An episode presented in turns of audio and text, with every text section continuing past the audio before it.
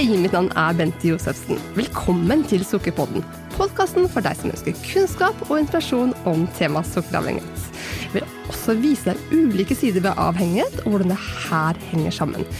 I denne podkasten vil det komme mange forskjellige gjester som hjelper oss å belyse dette viktige temaet. Med meg i dag så har jeg Ida Brårud Jensen. Du skrev nylig en kronikk i Tønsberg-blad som startet slik. Det klirret godt i posene han tok inn. Det vred seg i magen min. Den lyden hadde jeg hørt før. Dette var en kronikk Ida, som traff meg rett i magen da jeg leste den. Eh, og dagens avsnitt skal handle om det å være pårørende til en som har rusproblemer. Og din far Ida, var, er må jeg si, avhengig av alkohol. Og i tidligere avsnitt så har vi liksom hatt litt ulike tilnærminger til dette med, med, avhengighet. De som har slitt med sukkeravhengighet, de som har slitt med avhengighet av alkohol. Og vi, jeg ønsker på en måte å vise det her fra litt ulike synsvinkler. Og nettopp der kommer du inn i dag. At du kan vise hvordan er det faktisk å være pårørende til en som sliter med rus. For avhengighet er avhengighet, og det er utrolig mange fellestrekk. Kan ikke du si, si litt hvem er du, Ida?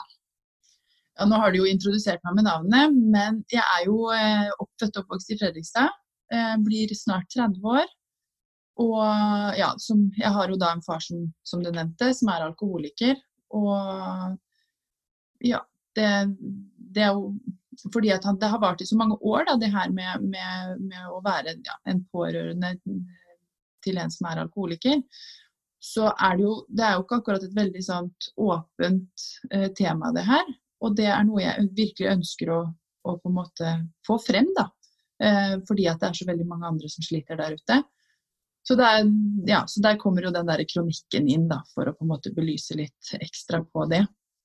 Ja, det er, litt for meg, egentlig. Fint det står og Du skriver også på bok, det må vi nevne? ikke sant? Ja, det er jo også viktig å nevne. Det, det gjør jeg jo. Jeg skriver en bok om, om, det. Egentlig mer i forhold til alle følelsene og alle Det er sånne hovedtemaer da, som man som regel går igjennom. Eh, eller i hvert fall som jeg gikk igjennom, da. Ja. Det er det den boka belyser litt. Mm. Mm. Så skal vi ta for, oss, ta for oss noe av det i det, det, det avsnittet her i dag også. Kortversjonen, så kan man heller glede seg til denne boken kommer ut kanskje neste år, altså 2021. Ja. Det blir veldig bra. Eh, men den, din far Ida, han var jo i starten en god far, og han var ressursrik. Kan ikke du si litt om, litt om din far? Ja, eh, jeg, mamma og pappa ble jo skilt da jeg var ca. halvannet år. Og da ble det en sånn en, eh, ordning med at jeg skulle være der annenhver helg og én gang i uka. Og pappa, jeg var jo alltid pappa, eller har vært, fra når jeg var liten så var jeg alltid pappajente. Eh, Gleda meg alltid til å reise til pappa. Det skjedde mye. Han eh, var veldig sånn veldig inkluderende. Eh, ja, vi gjorde masse sammen. Vi dro masse på hytteturer sammen. Så pappa var liksom ja, min stjerne, da, om man kan si det sånn. Og, og, han var jo, av det jeg har lagt merke til, eller sett nå da, i ettertid, så var han jo en, en, eh, person som var eh, Han hadde en god jobb, han var sosial, han var godt likt da, blant veldig mange. Og så var det ikke så gøy lenger. Eh, og da, da var jeg rundt åtte år, som jeg på en måte kan huske tilbake til som det på en måte første eller det siste jeg kan huske av når jeg ikke husker noen ting, om man kan si det på den måten. Ja. Um, hvor vi da var på, på, en hyttetur hvor han var full hele helgen. Og det var det som på en måte ble et sånt vendepunkt fra at jeg At pappa, pappa var fremdeles min helt, da. Men det på en helt annen måte. Det var du alene med faren din på denne turen? Hva sa du nå? Var du alene med faren din på denne turen? Nei, eh, det var eh, pappa, og så var det en kompis av pappa. Ok. Mm. De to var jo ikke edru i det hele tatt Nei. den helga. Men det skjedde noe mer den helgen, gjorde det ikke det? jo, det gjorde jo det. Eh, det er jo på en måte litt av For det, det, det har jo på en måte forma meg veldig. Det å, jeg ble jo forlatt, eller forlatt og forlatt, jeg ble, ble etterlatt fordi pappa kjørte på en person, eller han kjørte ikke på, han kjørte nesten på en person. Eh, og var full og der oppe kjenner alle kjenner alle. Og da endte det med at uh, politiet kom på døra, som jeg skriver i boka. Jeg så egentlig bare blålys, så jeg på en måte legger det til at det var politi som kom. Og borte var pappa, og da var det mørkt når han, når han dro. Og når han kom tilbake, så var det lyst. Så vi, det på en måte, og så har vi jo i ettertid sett noen rapporter og litt sånn som tyder på at det var ja, pluss minus ish et døgn. Så du var overlatt til deg selv? Ja. Så politiet var ikke klar over at det var barn i denne hytta? Eh, tydeligvis ikke. Eh, og, det, og, det, har jeg jo kjent på nå i ettertid, eller sånn egentlig i forhold og vennskap og sånne ting. At jeg har vært livredd for å bli forlatt. Det er på en måte en del av de der, eller noen av de issuene, da, om man kan kalle det det, som jeg har kjent på i ettertid. Mm. Det, det ble veldig naturlig. Unnskyld å avbryte deg, Ida. Nei da, det går bra. Nei, jeg bare sa at det ble jo et sånt veldig vendepunkt i forhold til fra å ha den trygge ramma og til å på en måte bli utrygt, men allikevel det higet etter pappa, da. Det å på en måte se meg, eh, gi meg oppmerksomhet som jeg da etter hvert da begynte å ikke få lenger. Ja, nettopp. Mm. Men eh, moren din begynte jo å reagere etter hvert, så er skjønt?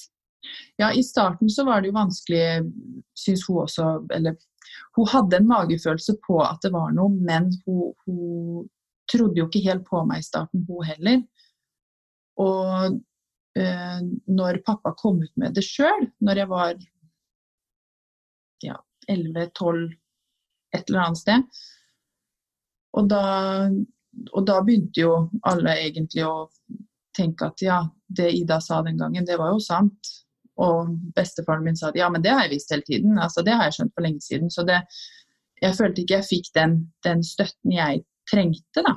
Hva mm. jeg trengte, det, det, kan jeg egentlig ikke svare på hva jeg trengte der og da, men kanskje det å bli trodd. Ja.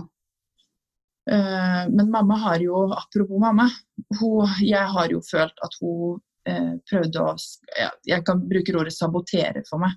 For jeg, mitt mål, eller mitt ønske, var jo at jeg skulle, jeg skulle hjelpe pappa, jeg skulle være der for pappa, for pappa var min pappa. Mm. Hvor ja, slem i gåseøynene han var, så, så var det pappa for alle penga, på en måte. Og i ettertid så og, og, bare for å ha sagt det, det var jo i perioder der jeg tenkte at uh, mamma kunne, unnskyld uttrykket, dra et visst sted. Ja. Og, men i ettertid så har jeg jo sett at alt det hun har gjort, som, der jeg trodde hun egentlig prøvde å manipulere meg, så er det jo ikke hun som har gjort det, det er jo faktisk pappa som har manipulert meg til å tro at mamma egentlig bare vil meg vondt. Så en veldig stor ja, takk til mamma for at hun faktisk er den hun er. fordi at eh, jeg hadde ikke klart meg uten mamma. Det kan jeg si, selv om jeg har hatt mange fighter med henne, spesielt pga. det med pappa. Så er jeg evig takknemlig den dag i dag. Mm. Mm. Hun var den som prøvde å beskytte deg tross alt fra det her? Veldig. Ja det var et dilemma for henne å tenke, som mor å skulle finne den balansegangen. da. En datter som ønsker å møte faren sin, og så vet man at dette kanskje ikke er helt bra. Mm. Ja, det, det, har nok vært veldig vanskelig for mamma òg, men jeg prøver, prøver, også å tenke at hun gjorde det som hun på en måte fikk til da. da. Altså det, det var det som ikke nødvendigvis var riktig, men det var det hun klarte. Ja. Fordi når man står midt oppi en situasjon, så er det ikke lett å vite at ja, jeg skal reagere sånn, for det er det, er det som er rett. Altså, det, det, er ikke bare jeg som opplever eh, dårlige følelser, da. det blir jo også på henne.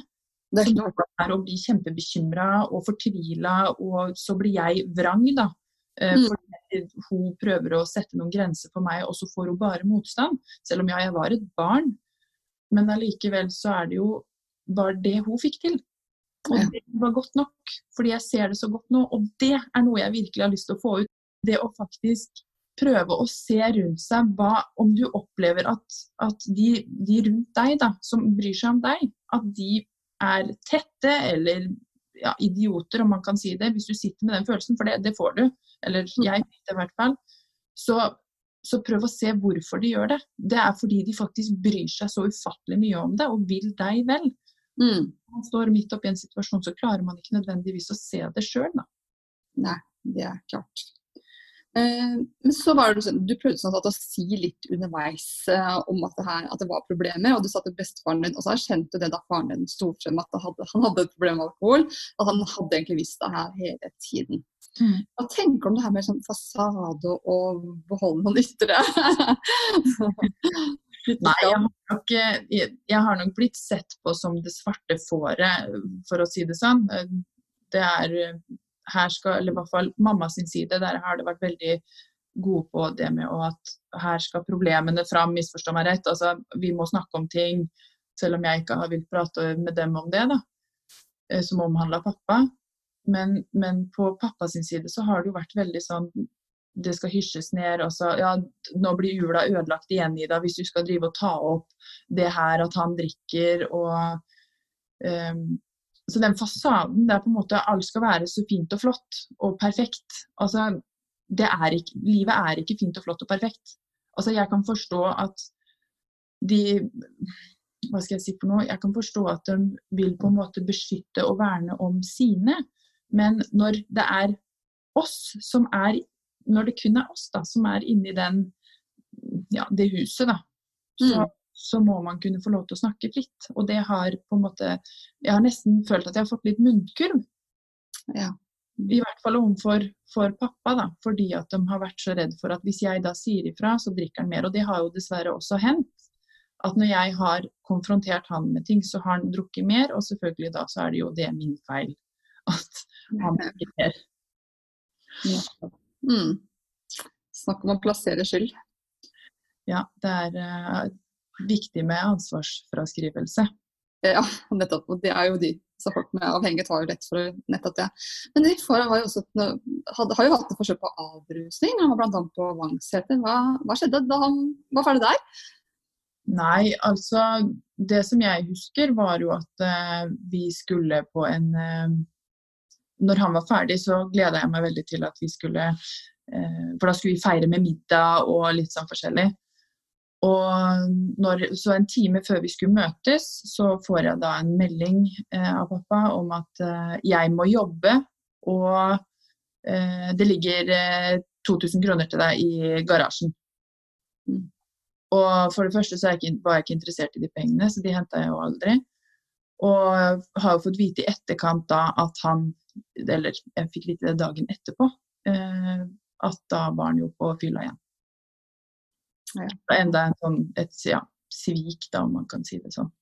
Han feiret eh, at han var ferdig med rehaben med å ta seg en øl? Nå, ja, man kan egentlig si det sånn. For meg.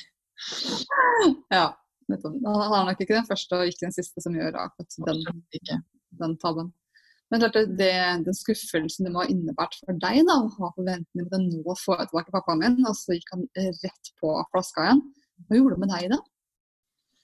Nei, jeg følte meg jo lite verdt, da. Eh, følte meg jo overhodet ikke sett. Eh, noe jeg på en måte i mange år før også har higd etter, eller på en måte hatt et veldig stort ønske for. da, Og det å se meg. For det, det har på en måte ikke vært eh, et tema. Det, jeg tror nesten ikke jeg kan telle på én hånd engang eh, hvor mange ganger han har vært og sett på meg med min aktivitet da, etter at jeg begynte på ungdomsskolen. Ja. Så det har jo vært et sånn et Ja, det har egentlig vært litt sånn blanda, fordi jeg har hatt lyst til at han skal komme, og jeg har blitt skuffa når han ikke har kommet. Men jeg har ikke hatt lyst til at han skal komme heller. Nettopp fordi at eh, Hva vil andre tenke om meg? Ja. Fordi at eh, selv om jeg nå da ser at hvordan andre er, det definerer ikke meg som person. Men allikevel, der og da, da, jeg var kjempeflau. Og tenkte da at, at, folk vil sikkert tenke at jeg er en taper, eller Ja. Det surra mange tanker oppi hodet mitt rundt akkurat det, da. At han, kunne, han, kunne han møte opp berusa, eller? Jeg har ikke, eh, opp, bortsett fra på russetida mi, så møtte han jo opp eh, ganske rusa og sånn. Eh, men utover det så ikke som jeg kan huske. Eh, for som sagt, han har ikke vært eh, veldig til stede når det kommer til sånne ting. Nei. Mm. Nettopp det. Eh, men hendte det at du som altså det, det typisk mønster kan jo være at man begynner å helle ut, helle ut flaske sånn, fordi man måtte ønske å få stopp på inntaket. Hendte du gjorde sånne ting, eller? Ja da, jeg, det har jeg gjort mange ganger. Og det ble jo Det kom egentlig litt an på hvor han var i, i stadiet, om man kan si det sånn. Eh, var han liksom på slutten av, av perioden sin, så, så, var det ofte mer OK at det har helt ut, enn hvis det på en måte var midt i eller i starten. Um, og da ble det jo Da blir en ganske sinna. Men det er jo på en måte Jeg kan jo også få sette meg inn i det hvis du på en måte har lyst, å, lyst på noe, og så på en måte blir det bare kasta, så blir man jo sinna. Jeg kan forstå den òg, nå i, i, senere tid. Fordi at man har fått en mer forståelse i forhold til hva selve avhengigheten er for noe. da. Mm. Og det, det, er nok ikke For meg, når jeg var yngre, så var ikke det så lett å se. For for meg så var det bare det her velger du sjøl, det er ditt valg. Altså du, ja, det er det. Eh, men allikevel så Når du hører det Ja, men jeg må trappe ned. Altså Nei, du må ikke trappe ned. Og da, da Ja, det blir veldig feil. Hæ? Ja, drikke litt moderert. Fungerer det, liksom? Nei. Nei. Jeg, har ikke, jeg er ikke noen ekspert på akkurat eh, det med avhengighet, men jeg ser ikke logikken. Nei. Man klarer ikke det. Har man en avhengighet, så er moderasjon helt umulig. Så det er, det er enten eller. Ja, det er, det er noe med det. Så, men du har også sagt noe om eh, at, at, du ble veldig var sant, på stemninger. og at da du sto på morgenen, så hadde du en sånn liten sånn sjekkliste. Hva, hva handlet det, det om i det? Nei, det handla jo veldig om eh, f.eks. når pappa var pappa, da. Sånn som i starten så, så var han egentlig 90% pappa og litt sånn typisk 10 eh, alkoholiker. Eller om det var 20, det er jo egentlig helt uvesentlig. Eh, men, men allikevel så ble det sånn at jeg f.eks. skulle stå opp, så, så var det alltid sånn Lukta det kaffe, eller lukta det ferske rundstykker, eller egg og bacon? Altså frokost, da. Og hvis ikke det var det, så kjente jeg jo veldig på at eh, det da begynte jeg å analysere veldig. Selvfølgelig når det lukta det òg, så ble jeg også hadde jeg den bak, i bakhodet hele tiden at hva, hva, skjer når jeg kommer ned? Altså, hvis han er sånn, eh, hvis han gjør sånn, eh, hvordan skal jeg reagere da? Og jeg husker jo flere ganger hvor jeg sto øverst, for soverommet var i annen etasje. Og da husker jeg veldig godt at jeg sto øverst i den trappa, og så på en måte begynte å lytte. Sånn, noen ganger så holdt jeg pusten til og med, bare sånn for å virkelig få Om det var noe jeg ikke fikk med meg da mens jeg pusta.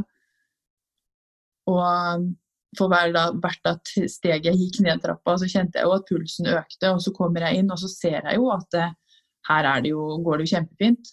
Men allikevel, selv om det tilsynelatende ser bra ut, så, så hadde jeg alltid en sånn Nesten sånn at jeg begynte å lete etter feil. Ja. Uh, og lete etter, og det var ikke alltid selvfølgelig det ble som jeg hadde tenkt. Uh, I forhold til det at uh, hvis jeg fikk en sånn magefølelse på at her er det et eller annet, så, så var det ikke alltid at det skjedde. Men i mange situasjoner så skjedde det jo at det kom noe senere. Altså kanskje noen timer etterpå eller et døgn etterpå. Men jeg ble veldig sånn var på, eller ikke var på, men at jeg lette etter ja, det er egentlig det rette ordet. Lette etter tegn på at han kan ha drukket eller kommer til å drikke. Altså, ja. Mm. For å være mer sikker på meg sjøl. Og så det med å lukte alkohol. Han kunne ta seg en, en slurk av en øl, og så lukta jeg det med en gang. Ja. Mm. Mm. Og det, og forhold har du til Unnskyld. Nei da, det går bra. Hva slags forhold har du til lukten av alkohol i dag? Nei, det eh, Jeg kan den dag i dag ikke eller jeg får ubehag hvis det er spesielt mannfolk da, som har uh, drukket spesielt Øl er ikke så ille lenger, men sprit eh, kan jeg kjenne veldig på. Eh, og tobakk, da, den kombinasjonen der, den får jeg enda sånn ubehag av når jeg er Hvis jeg ikke har tatt meg et glass vin eller noe sånt sjøl, da. Mm. Ja. Eh, men det var jo også andre varseltegn for deg, bl.a. som du skrev i denne kronikken, altså lyden, altså den klirring av flasker. Kan du si noe om det? Ida? Ja, det er jo den eh, som jeg på en måte har vokst opp med. Den der når det klirrer, så blir pappa annerledes. Da blir han rar. Han sover mer, han kan bli fortere irritabel eller sint. Eh, og det der med at han blir ustø, den der utryggheten at hva skjer neste. Altså, jeg jobba veldig sånn at eh, jeg skulle analysere situasjoner hele tiden. Eh, hva skjer neste? Jeg måtte planlegge på en måte. Hvis han gjør det, så må jeg tenke sånn. Hvis han gjør det, så må jeg på en måte tenke sånn. Eller gjøre sånn. Eh, og når han da eh, når han da blir full, så, så, vet, så blir alt så usikkert. Da. For du, du, klarer ikke å forutse hva som kommer til å skje innen to minutter, eller fem minutter for den saken skyld. Um, så det med, det med, stemninger og sånn har jeg jo blitt eh, litt god på, da, kan du si. Ja, overgod? ja. Mm. Tenker du at det påvirker livet ditt i stor grad i dag? Det med klirringa av, av lyd og sånn, det, det, responderer jeg ikke sånn på lenger. Jeg har jo fått uh, gjort uh, Eller jeg har blitt voksen. Og, og jeg har fått bearbeida veldig mye av de tinga som har vært. Og det er også derfor jeg føler meg såpass trygg på, på den boka jeg skriver også. At, eh, at jeg har fått bearbeida såpass mye at jeg kan skrive den boka her, da. Men i tillegg også vil det være til selvhjelp at er det ting som kanskje dukker opp som gjør at Og det har det jo, har jeg merka mens jeg har skrevet, at det har vært ting som jeg ikke har vært forberedt på eller ikke vært klar over at jeg kom til å reagere på. Og, så det å skrive boka har vært, eh, eller foreløpig hittil, har vært kjempebra. Både, både, for å få ut et budskap, men også for bearbeiding sjøl også, da. Mm. Mm. Sortering av historien din. Ja, veldig. Mm. Absolutt. Det er et tema som heter det å være medavhengig. Det har jo du også erfart i aller høyeste grad. ikke sant? Mm. Eh, for det er jo veldig lett at man også prøver å dekke over en som er avhengig f.eks. av alkohol. Da. Prøve å dekke over for resten av verden at det er et problem her. Gjorde du det? Veldig mye. Veldig mye. Og, ja, det var jo sånn som jeg husker veldig godt tilbake, hvor, eh, hvor pappa ba meg å gå innom, gå innom gå, innom, gå inn på butikken. Ja. Eh, og jeg visste at han kom til å, å drikke når jeg eh, gikk inn på butikken. Og så fikk Jeg husker ikke helt eksakt, men det kom i hvert fall opp at jeg hadde gått inn og handla. Og da Jeg husker ikke hvor gammel jeg var, men eh, jeg hadde ikke fått bankkort ennå sjøl. Og, og, da ble det sånn at Nei, men hvorfor gikk ikke pappa inne? Nei, pappa syntes at jeg hadde blitt så stor jente, så, så det, derfor så gikk jeg inn. Ja. Eh, og det var jo løgn. Altså, det, ja, jeg var kanskje blitt stor jente, men, men det var ikke derfor eh, jeg ble bedt om å gå inn. Og det kunne jeg jo egentlig ha sagt. Men det var jo den der at jeg skulle beskytte ham for alt det var verdt. Tenk om det skjedde noe med han. Og det hadde jeg også fått hørt, at jeg, mist, jeg mister deg jo hvis, hvis du, det her kommer ut. Ja. Eh, eller så var det at du må ikke ljuge sånn eh, for mammaen din. Når jeg fortalte om det, han skulle på en måte eh, opprettholde den fasaden da, med at ingenting hadde skjedd. Og så gikk jeg over til å begynne å ljuge mer sjøl òg. Altså, og I hvert fall det i forhold til å ljuge for pappa. Ja. Og det der, og det å komme seg ut av den medavhengigheten, det er jo nesten verre enn å i det hele tatt være i det. Nettopp, ja. Det er noe med det. Vi har jo hatt en liten sånn forsamtale, og da sa du også noe om hvor langt er man villig til å gå. Mm. Husker du det? Ja. Eh, du, var det en spesiell historie du tenkte på? Ja, du, du, snakket om hvis han for skulle prøve å kutte alkohol sant, og hadde abstinenser. Ja. ja, ja, ja, det var den historien, ja. ja jo, man er villig til å, å strekke seg fryktelig langt. Eh, og jeg ble veldig overraska over hvor langt jeg faktisk strakk meg. Det å ligge da når pappa har abstinenser og kaldsvetter og alt mulig, og jeg da legger meg ned og faktisk holder rundt han fordi at han eh, ja, er en idiot, da. om, i, som var det i mine øyne, egentlig da. Og allikevel så velger jeg å gjøre, gjøre det. det. Og den har slått meg i ettertid, hvor jeg bare sånn Er det mulig? Hva, hva er det jeg drev med? Altså, jeg så jo jeg, Det var jo helt naturlig å skulle gjøre det, men det er jo overhodet ikke naturlig å gjøre det. Har jeg sett i ettertid, da.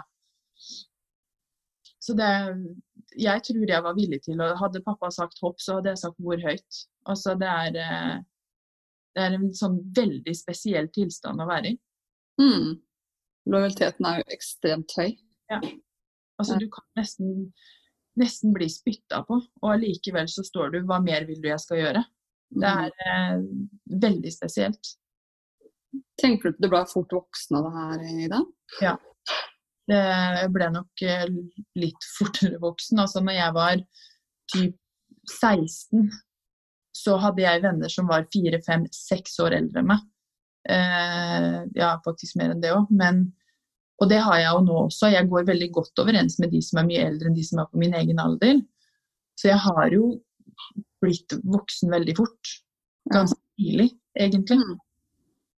For ikke det at jeg blir, ble mamma, jeg ble jo også på en måte ja, mamma tidlig, for jeg hadde to andre mindre søsken som jeg tok meg en del av. Eh, når vi var hos pappa, vel å merke. Ja, for det var hans eh, barn han fikk etter deg. Ja. Og, og mora var jo veldig til stede, men de var jo ikke sammen lenger. Så når de var hos pappa, så ble det jo til at jeg, jeg tok eh, hånd om dem når pappa var for full. Ja. Og, og det blir jo også den der når du blir, skal hele tiden passe på en som er rusavhengig, da. Så blir det jo til at du må løse ting, du må gjøre ting. Hvordan, hvordan vil det være for han nå å gjøre sånn? Altså, da blir man jo fort voksen. Ja, Det er klart, ja. Men jeg tenker at du har, vil få et nervesystem som er på konstant uh, sånn varsko, varsko. Veldig. Konstant fare. Det er jo det. Det er jo, sånn er det jo uansett. Altså, det kan jeg merke i dag også. At hvis jeg går inn i et rom, så, så tar jeg jo blikket over og på en måte nesten begynner å analysere før jeg går inn døra, åssen stemning er det her. Mm. Altså, det tror jeg nok jeg kommer til å ha med meg uansett. Ja. Mm. Men jeg ser jo positivt på det, da. Jeg er jo glad for, jeg er jo glad for det her. Fordi at det har gjort meg til den jeg er.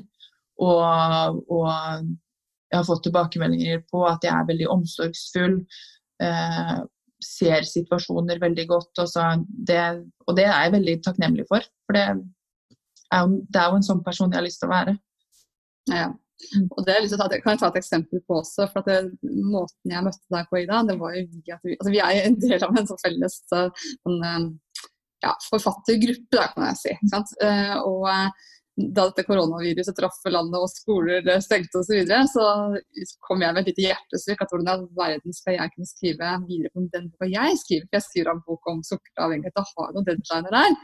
Og så kom bare kom, datt ut av meg til kanskje jeg må begynne å stå opp fem av morgen for å skrive før huset våkner til liv. liksom, For da er ikke rommet resten av døgnet.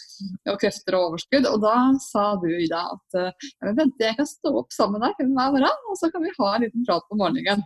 Og, jeg, det, og den, den dagen du sa det, så var jeg så sliten at bare- tårene spruta. jeg ble så rørt og så takknemlig. Og det har vi jo gjort, Ida. Vi, og vi har blitt en gjeng på flere som faktisk står hver morgen sammen og har en liten morgenprat. Vi skriver på våre bøker. Så ja, omsorg, det må jeg virkelig bare si. Du er, eh, du er unik, Ida. Takk for det. Men det har hjulpet så mye også, det, den, eh, den gruppa. Det må også bare sies. Er, dere er både du, Bente, og alle andre som er i den gruppa, fantastiske. Hjelper både på og negative ting da, som man opplever, og positive ting. Og, ja, nei, det er eh, gull verdt. Ja, og Det er et godt eksempel på nettopp viktigheten av et, av et fellesskap. Derfor er jo det vi også i all avhengighetsbehandling anbefaler. Om det er sukker eller alkohol, så er det veldig annerledes å gjøre ting alene. Men det å være et fellesskap er utrolig støttende. Det ser man også. Jeg hadde jo ikke stått opp fem om morgenen hvis ikke det var noen som venta på meg. no way! Nei. Men også, jeg har så forskjellig bakgrunn. Ja, Ja, og vi er i forskjellige aldre, og allikevel så går vi så godt sammen. Det, nei, det er supert. Og det gjelder jo andre også, som det med samhold, da, som du Ja. sier. At det å ha bare, om det så bare er én, eller om det er tre til, så bare det å ha noen Det Mm. er, betyr all verden, altså. Det gjør det definitivt. Har du, har du vært i noen type sånn støttegrupper eller vært med på noe Ja. Du har en far som er uh, rusavhengig? For å være negativ eller si noe stygt om eh, sånne grupper som typ nesten anonyme alkoholikere bare for pårørende, Mm. så jeg, har jeg vært på ett møte med, så, med en sånn gruppe. Og jeg ble, jeg ble helt ærlig skremt. Eh, når jeg da kommer og i utgangspunktet ikke liker å snakke om ting. Jeg ville helst ikke være synlig der i det hele tatt. Så når jeg da så måtte jeg introdusere meg sjøl og si hei, heter Ida, og da hele bunchen Hei, Ida! Ikke noe negativt med det. Det kan hende det fungerer for veldig mange. Meg fungerte det ikke for. Nei. Jeg kom ikke tilbake dit Nei. jeg har egentlig jobba veldig mye sjøl og komme ut av det her. Eh, I forhold til boka nå, så har jeg jo kontakta en, en terapeut som skal hjelpe meg i forhold til temaene i boka. Og hvem vet, kanskje det dukker opp enda flere ting som jeg trenger å jobbe med. Men i Mm. utgangspunktet så har jeg jo kommet gjennom det her sjøl, da. Nettopp. Ja. Mm. Altså, Man har jo forskjellige forutsetninger. Det er jo de som klarer seg til tross for. Man kaller det løvetannbarn. ikke sant? Ja. ja. Jeg Men apropos det, det er akkurat derfor jeg også ønsker å skrive den boka her. For at det er kanskje mange som ikke har råd til å gå til psykolog, eller få en, ikke tør å snakke med noen. Her, her har de på en måte en bok da, som de kan sette seg ned og lese. OK, sånn her løste Ida det. Kanskje jeg kan prøve det. Det er ikke sikkert at alt funker for alle, men hovedtemaene vil nok så å si de fleste kjenne seg igjen i. Og så kan man egentlig plukke ut hva som fungerer for deg, da. Eller for Mm. deg sjøl. Nei, nei, nei, jeg sa, nei, jeg sa bare at eh, for å hjelpe veldig mange flere, da. Ja. For det å gjenkjenne seg i andres historier er jo veldig mye trøst og kan være litt sånn rehabilitering det også. Fordi man opplever seg kanskje veldig ensom. Men tenker jeg, I din barndom også, hadde du, noen, hadde du noen andre venner som opplevde det samme som deg, eller var du ensom der? Jeg følte meg veldig ensom. Og jeg kunne jo ønske at jeg hadde en eller annen bok. For jeg var ikke den som prata høyest om det, at eh, det er sånn og sånn. I hvert fall ikke til min omkrets. da Noen av de nærmeste vennene mine visste jo om det sånn etter hvert. eh, Når jeg begynte å tørre å prate mer om det. Men, men eh, ensomhet, den, den lå høyt på lista. Mm. Altså jeg var ikke ensom, men jeg var allikevel ensom i min situasjon, da. Mm. Nettopp det. Det er et veldig tabubelagt tema. Ja, absolutt. Det er veldig, altså, det er veldig tabubelagt. Og det er jo, som du sier, man blir manipulert også av den som har en avhengighet også, sant? til å tie stille og kunne være med da, på å skaffe, skaffe rusmidler. Man blir manipulert i alle bauger og kanter. Og, det her ser vi også på en måte at kan Hvis noen lurer da, på om dette her egentlig er relevant for en med sukkeravhengighet, da, så er det faktisk veldig mange som beskriver mye av de samme mønstrene. At man kan nettopp, ikke sant, En så er man på en kur. da, kan si man kanskje til en man bor sammen at ja, nå må du passe på meg, for nå skal ikke jeg spise sjokolade, og ser du meg kjøpende, så må du stoppe meg. ikke sant? Mm. Ja, jeg skal støtte deg. ikke sant? Og så neste øyeblikk så sitter de der og spiser, og noen da peker på at men hvis du ikke du slutter, så blir de sinte. ikke sant? Ja. Og manipulerer det kanskje ektefelle til å reise ut uh, seint på kvelden for å handle fordi man har behov for å fylle på noe. Mm. Man er ikke den beste versjonen av seg selv, rett og slett. Og det med å være til stede for barn er det mange som beskriver at de går med så tåkehode, hodet er bare opptatt av neste kick. ikke sant? Mm. Så man klarer på en måte ikke å koble seg på, på familier og sosiale relasjoner. Så det er veldig sammenlignbart, selv om heldigvis da, så er det ikke så mange som blir utsatt for vold og sånn av mennesker som har sukkeravhengighet. Men det gjør man kanskje andre rusmidler. Men det er skremmende mange likhetstrekk allikevel. Men det, en, det, det kan være en gradering her, da. ikke sant? Og hvor avhengig av hvordan man har kommet til sin avhengighet. Og for all avhengighet er jo i utvikling. Sånn, sånn som din far, sånn, de første episodene så var det kanskje ikke så voldsomt. Men så har han jo blitt sykere og sykere, naturlig nok, fordi han har, eh, har ikke klart å stoppe. Så hvordan, hvordan er det med faren din i dag, Ida? Ja, øh, nå er det vel egentlig, for, utenfor oss, eller for ikke å si for mye, så er han jo egentlig mer 90% alkoholiker og 10% pappa. Som jeg nevnte i stad, så var det omvendt. Nå har det gått mer over til at det har blitt en mer voldsom, voldsommere greie, da. Um, men også er det sånn at jeg har fått et inntrykk av at det er ikke og det kan hende jeg tar feil, men at han, han sier at han er en alkoholiker, men jeg, får, jeg opplever ikke at han egentlig At han hva skal jeg si for noe, innrømmer det, eller han sier det, men det blir for meg bare for å si det. Men at han egentlig ikke mener det, da. Kan man si det sånn? Ja. Det er dine ord. Din opplevelse. Ja. Så det, er fordi at det er jo fremdeles drikking eh, i perioder. Og det er fremdeles eh, Det er i hvert fall det jeg sitter igjen med, at det er fremdeles eh, perioder når man har kontakt at det blir en form for manipulering. At, det blir, at jeg sitter igjen, igjen med at det er min feil, på en måte. da. At Ja. det er, eller at familien blir splitta, eller at jeg ikke eh, tar initiativ på å ta kontakt. Eller at jeg ikke vil prate med han om ting. Eh, når det på en måte Det med å prate med han har vært noe jeg har ønska i så mange år, da. Ja. Så det, det, det stopper jo på en måte ikke egentlig, men jeg har lært meg til å håndtere det på en veldig god måte. Selvfølgelig, jeg har glipp, jeg òg, så det er ikke det at på en måte, nå er alt perfekt og flott og alt det der. Men jeg har, har, det et, jeg har det mye bedre med meg sjøl nå, uansett om det kommer, ja, kommer eh, ting fra siden som jeg ikke hadde forventa. Så reagerer jeg ikke i nærheten av sånn som jeg var før. Nei. Kan jeg på en måte Ja. Jeg har det bra uansett. Selv om jeg får de tinga. Godt å høre. Men går det fortsatt med et håp om at han skal på en måte bli frisk fra det her? Ja, vet du hva. Jeg har ja, Nå skal jeg være veldig ærlig. Jeg har, jeg har helt, eller i de siste ukene også sagt at jeg har ikke et håp om at han kommer dit. Jeg har fremdeles Jeg har ikke tro, det er forskjell. Jeg har ikke troa på at han kommer dit, men jeg har fremdeles et håp om at han kommer dit. Han er faren min, men om, kommer, om han kommer til å bli den pappaen jeg hadde når jeg var fem år, den, det, det tror jeg nok ikke. Og det er selvfølgelig kjempeleit, men det håpet vil alltid være der. Uansett om man er 50 eller 20, så vil man alltid ha et håp om at kanskje det er en forandring den gangen. her. Det er ikke så veldig mange ukene siden jeg faktisk kjente på det sjøl, at jeg fikk det håpet om at nå ville ting forandre seg, men det gjorde det ikke allikevel, dessverre.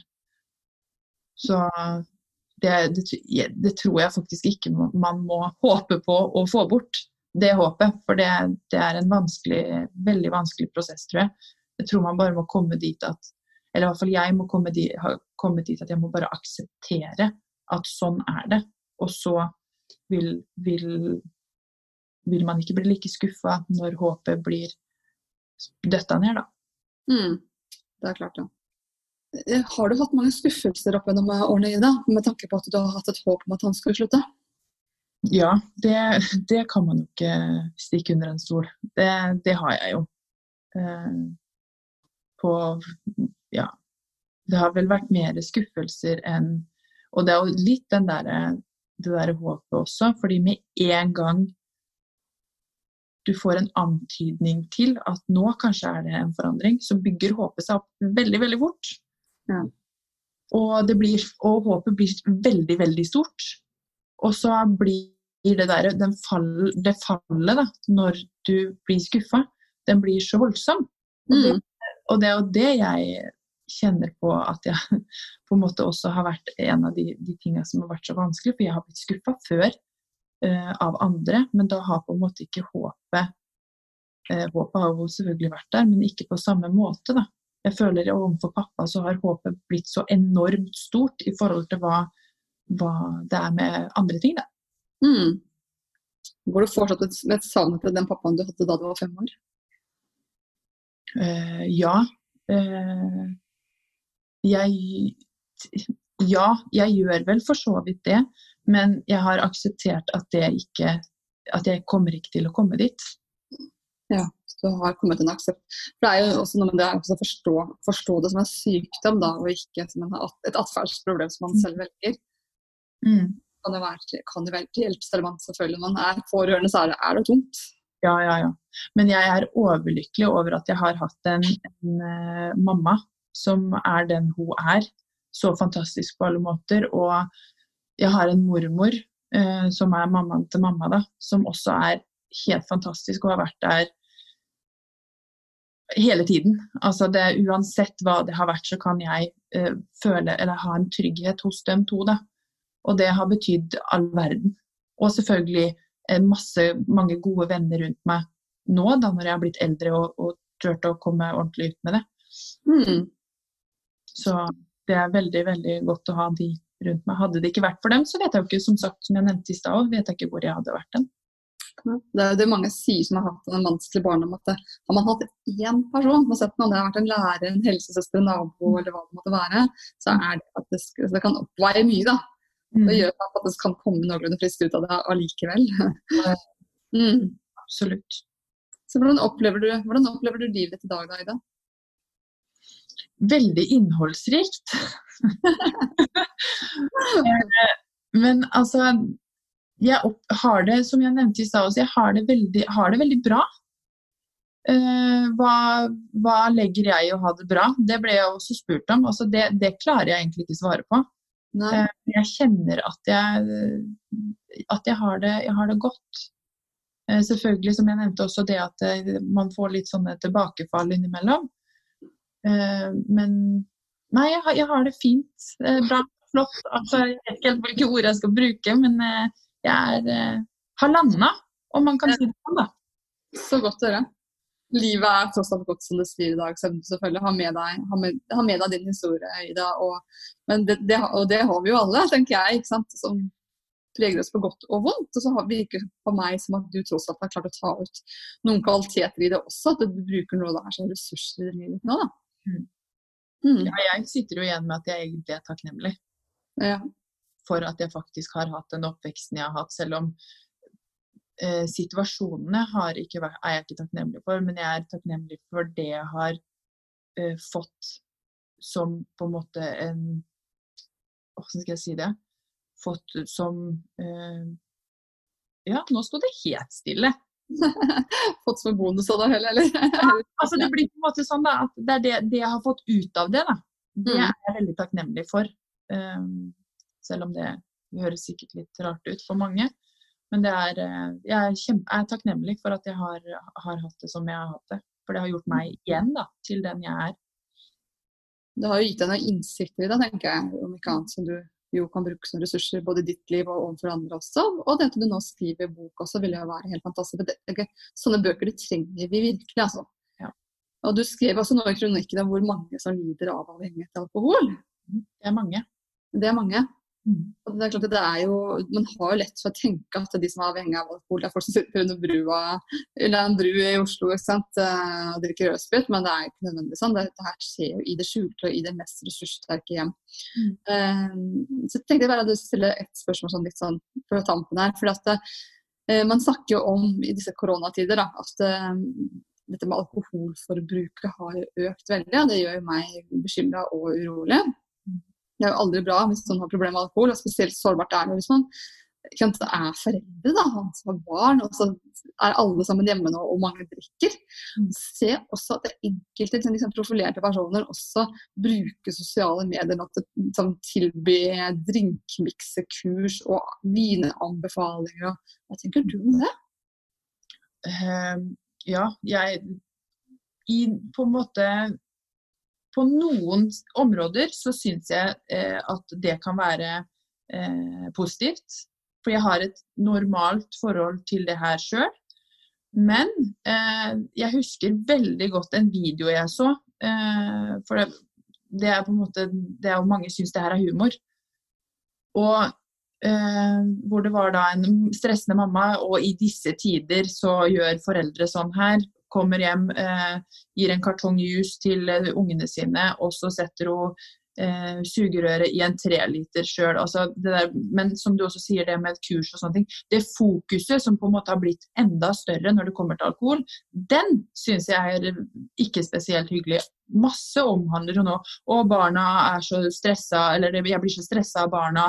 Og vi skulle hatt en, tatt en kveld nå med, med, en øl bare for å roe ned nerva. Liksom. Altså, tar du øl for å roe ned nerva, da kjenner jeg at da kan, kan, du droppe det, egentlig.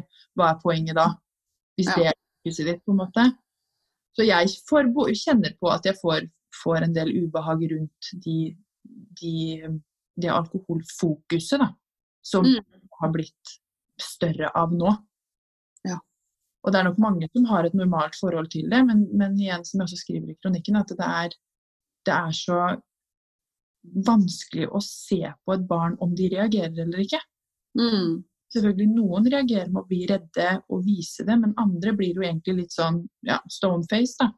Mm. De, de, vil ikke vise at de er redde eller, eller engstelige over det, situasjonen. da. Mm. Og bare for å ha sagt det, de, de 90 000 som på en måte De barna eh, det var 90, ja, Samme hvilket, hvilke tall var, i hvert fall veldig høyt. Og det er jo bare de som, ha, som har vist at de ønsker behandling. Det er jo de som har søkt behandling.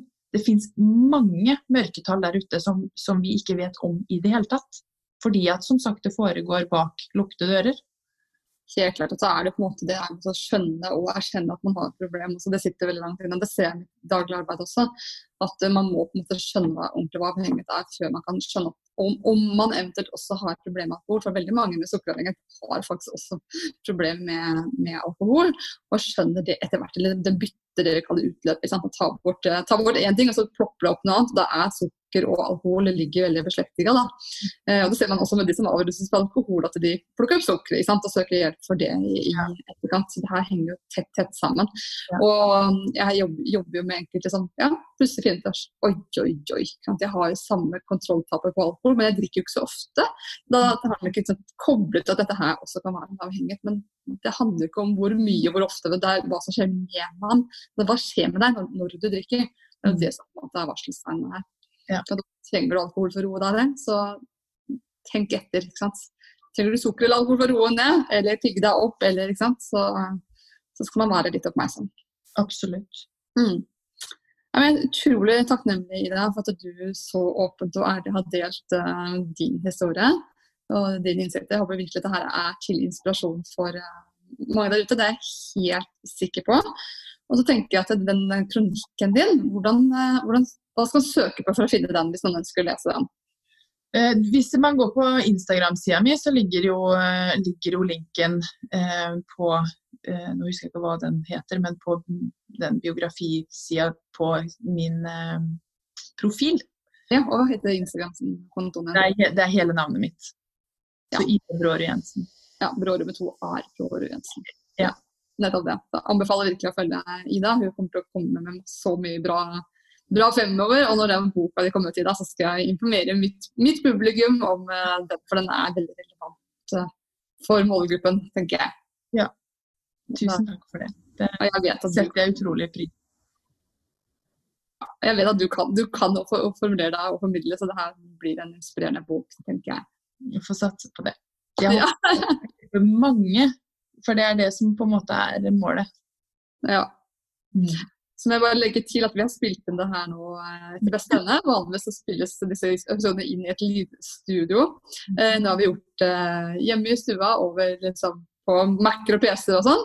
Så hvis ikke lyden er helt tipp topp, så er det bare det er sånn det er akkurat nå. Så håper jeg det er likevel ok. Så er det litt sånn, litt sånn Lyden henger litt. så Derfor har jeg også tatt meg selv til å avbryte noen ganger i dag, fordi at det er forsinkelse i lyden. Så det virker som du har vært ferdig. Og det er grunnen til at det har blitt litt sånn også. Ja, men det får, det får vi tåle. Det får vi tåle. Det.